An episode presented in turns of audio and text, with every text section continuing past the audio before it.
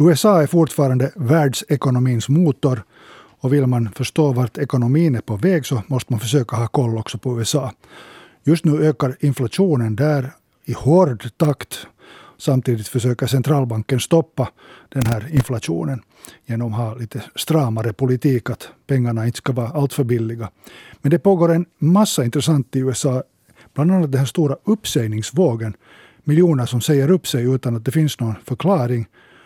Eh, och vi ska försöka förstå USA idag med hjälp av dig, Stefan Lindström. Välkommen. Tack så mycket. Och välkommen du som lyssnar. Det här är Pengarnas värld och jag heter Pekka Palmgren. Stefan Lindström, berätta först lite ditt förhållande till USA. Ja, det är ganska långt egentligen. Jag har bott i USA i två omgångar. Jag återvände just precis tillbaka till Finland. Jag var fem år där nu som generalkonsul i Kalifornien och då tidigare jobbade jag också fyra år där. Och, och, när man bor i USA så på ett sätt, äh, ska vi säga den där intensiteten i allting vad som pågår, vad som händer, så, så det, det, påverkar det ganska kraftigt. Det påverkar hur du kommunicerar, det påverkar vad du följer med. Och nu jobbar jag ju förstås primärt med politik, ekonomi och teknologi.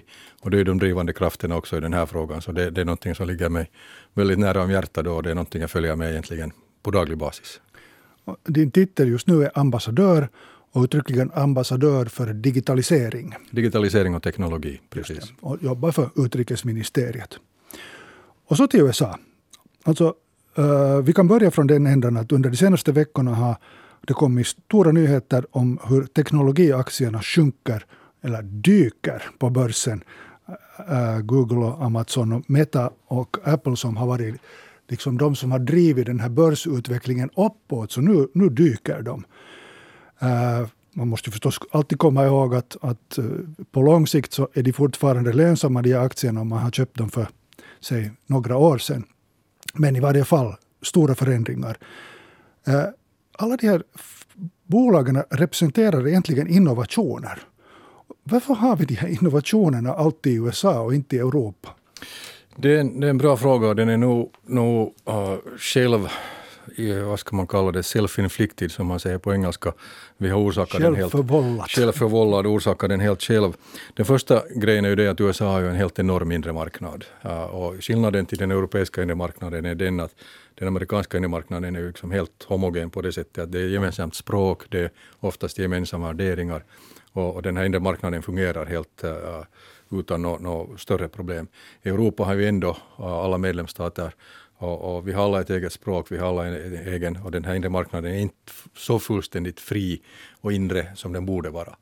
Den andra delen är, är, är det att uh, det amerikanska systemet och den här, vad, vad man kallar då time to market, den tid som det tar för en produkt att komma in på marknaden.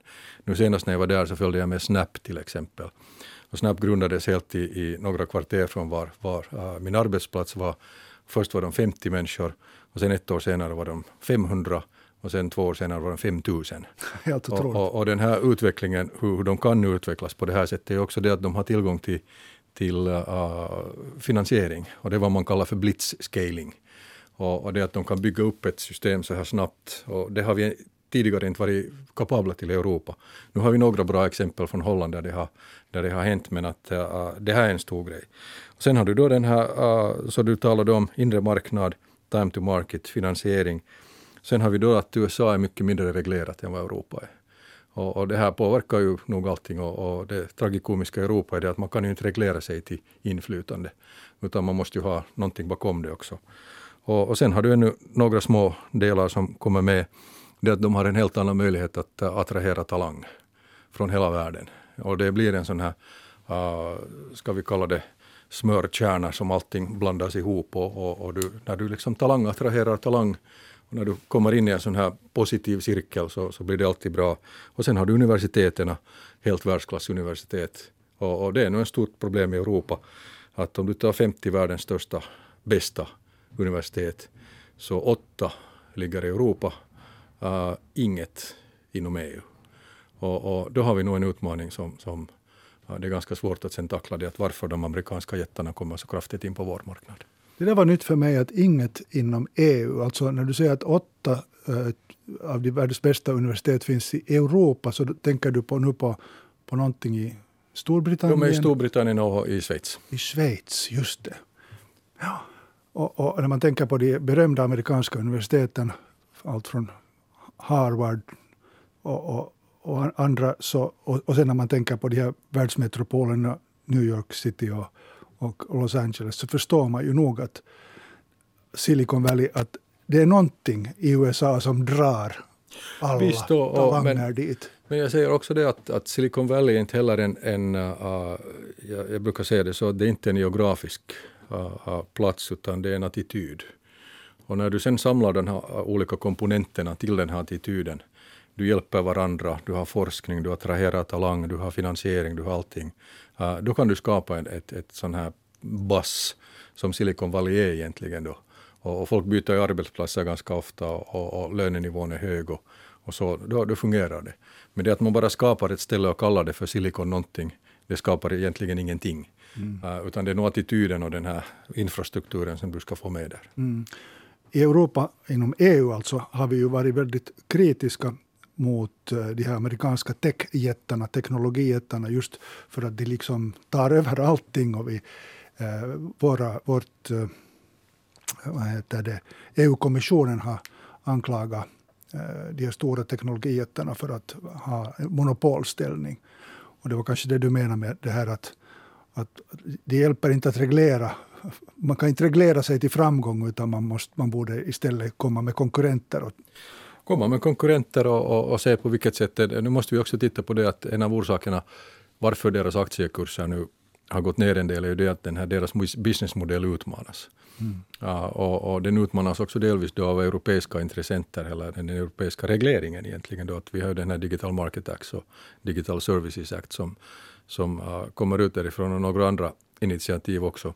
Och det sätter nog nya, nya begränsningar för hur mycket de kan växa. Och och sen det andra, det, som, det pågår också i USA ganska kraftiga förändringar just nu. Det finns en, fem lagförslag i, i, som har gått framåt och ett av dem är också det till exempel att hur kan de köpa konkurrenter och, och, när då till exempel Facebook uh, uh, köpte WhatsApp och så vidare, så, så samtidigt köpte de bort en konkurrent från marknaden helt och hållet.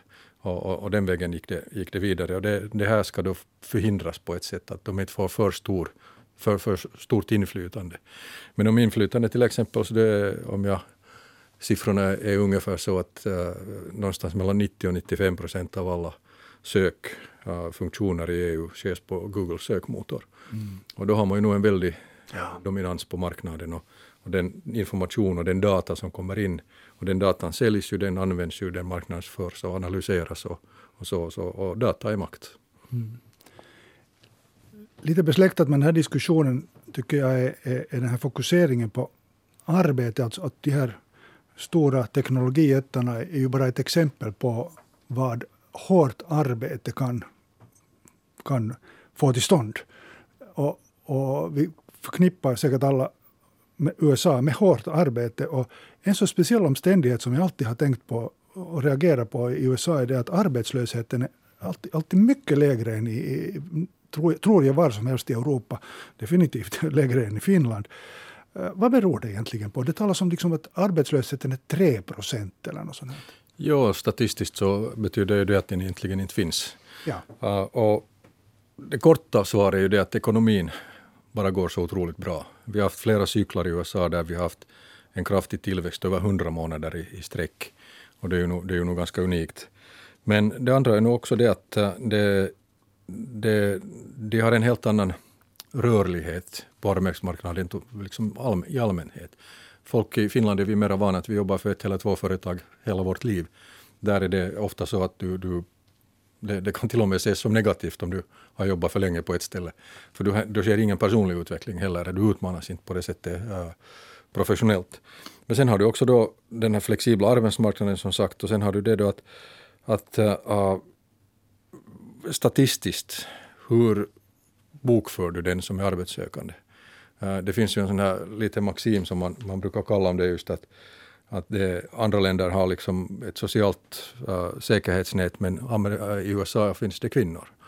Och i synnerhet i Midwest och de här områdena, alltså den här traditionella familjen med det att mamman är hemma, sköter barnen uh, och, och, och, mannen jobbar det är fortfarande väldigt vanligt och det är som en, grundvärdering på något sätt. Och, och, de här kvinnorna finns ju aldrig med i, i något system överhuvudtaget. Dagvården kostar helt enorma mängder pengar och, och, och sånt. Det finns ingen kommunal eller, eller dagvård att, att få. Så det är också fråga om statistik. Uh, vad förs in och vad, vad tas med i de här grejerna. Men, men du har helt rätt i det att, att den, den här liksom normala arbetslösheten, så då, folk flyttar på sig. Uh, de är villiga att, att uh, sälja allt vad de har och så flyttar de åtta delstater österut eller västerut och söker ett nytt jobb och börjar ett nytt liv. Det är ingenting ovanligt. Här är vi mera rotade på ett sätt i det ställe där vi har vårt hus och, och, så vidare. Det krävs ganska mycket för en finländare att han ska bara sälja allting och flytta. Mm. Det har ju talats mycket om det i Finland, till exempel när pappersbruk har lagts ner. Så, så folk flyttar inte bort trots att det inte finns mera arbete för att man har byggt sitt hus där. Och, och det har ju till och med pågått sådana stora kampanjer från varvsindustrin i egentliga Finland, där i Åbotrakten, där man har rest runt i landet och sagt att vi har jobb, kom hit. Men arbetslösa kommer inte fast det skulle finnas jobb. Så det, det, det eh, med, med andra ord ett mentalt problem väldigt långt. Amerikanerna har ett annat socialt umgänge än vad vi har. De är vana att, att röra på sig på det sättet och det är ju också en sån liten bubbla. Det ger ju en viss trygghet förstås ja, i, i, i, vårt liv. Ja. Ja, men men uh, också en inskränkthet. Mm, mm. Men så, så, har vi samtidigt en helt motstridig trend och det är den här som tydligen i USA kallas för the great resignation eller the big quit. Som betyder alltså att miljoner människor säger upp sig nu under pandemin har det skett att, att miljoner människor har sagt upp sig utan att ha ett annat jobb. De har bara helt enkelt sagt att tack och hej. Och det har lett till en enorm brist på arbetskraft. Alltså amerikanerna som ska vara nu flexibla som du just sa och som jobbar hårt, plötsligt säger de upp sig. Vad är det här? Det, det på ett sätt ett gammalt fenomen men också ett nytt. Då. Det har att göra med pandemin, eh, det, det nya fenomenet så att säga. Att folk var ju hemma, de minns att det finns någonting annat. Det finns ett annat liv, det finns andra värderingar. Och, och, och de då beslutar sig att det, det är inte lönt mer att göra den här hårda jobbet som du säger. Och, och det, där är många orsaker till det. En är också det att, att minimilönen i USA har inte höjts sedan 2009. Och det är ju nog ganska speciellt med tanke på de inflationssiffror vi ser idag. Och folk vill inte helt enkelt jobba för de lönerna mer. Det, det har ju gjorts mycket berättelser, reportage från USA där folk har två sådana så kallade, ursäkta mig, skitjobb och ändå inte får ihop till hyran. Så att, Ja, i synnerhet på de dyra områdena. På landsbygden av de här Midwest States, så där kostar det ju, man kan nästan säga ingenting att bo. Men om du kommer då till de här Kalifornien, Oregon, Washington State, Seattle och så vidare, New York, så då är ju boende liksom den primära kostnaden i allting. Och, du talar om hyror på 3 4 5 000 dollar i månaden. Och, och då räcker det ju verkligen inte med, med, med några ens, ens dåliga jobb. Men, men där är ju många saker, de, också det att eh, folk har gått mera i pension. Och, och, normalt så jobbar ju folk tills de är upp till 75 eller till och med mera. Och en av orsakerna är det att de har socialskydd, de har socialförsäkringar då. Och, och därför vill de jobba. Men under pandemin så, så har de varit hemma och så märker de att det de har sparat ihop, så det räcker bra. Så varför måste jag jobba i, i, i så fall? Och, och det kommer in värderingar på ett annat sätt. Att, uh, ett sånt här livsbalans och, och, och, omsorg för varandra och livskvalitet.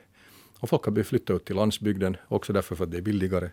Och sen i dagens läge, en annan grej är att äh, när du har fått jobba hemma och du har ett jobb som du kan jobba hemifrån, varför ska du då tvingas fysiskt tillbaka till din arbetsplats? Och då vill de inte göra det. Och om de tvingas så ser de upp sig och så börjar de hitta ett jobb söka efter ett jobb som de kan jobba hemifrån istället. För som sagt, den där livskvaliteten, jag har ju själv bott nio år i, Los Angeles och, och, och liksom fyra kilometer kan hela ta lätt en timme. Uh, och att sitta i den här bilen är ju, det är ju destruktivt både för, för din personliga utveckling, din hjärna och allting annat också. Och ingen vill ju göra det här om du verkligen inte måste göra det. Och det, så det sker nog vissa förändringar liksom i, den, i den här mentala delen där hela tiden. Mm. Vi samtalar alltså med Stefan Lindström och det handlar om USAs ekonomi. Här i pengarnas värld i en tvådelad USA-special. Du har just hört del 1. Stefan Lindström är ambassadör för digitalisering och teknologi vid utrikesministeriet och han har bott i USA i nio år. Vi fortsätter diskussionen om USA i nästa avsnitt. Jag heter Pekka Palmgren.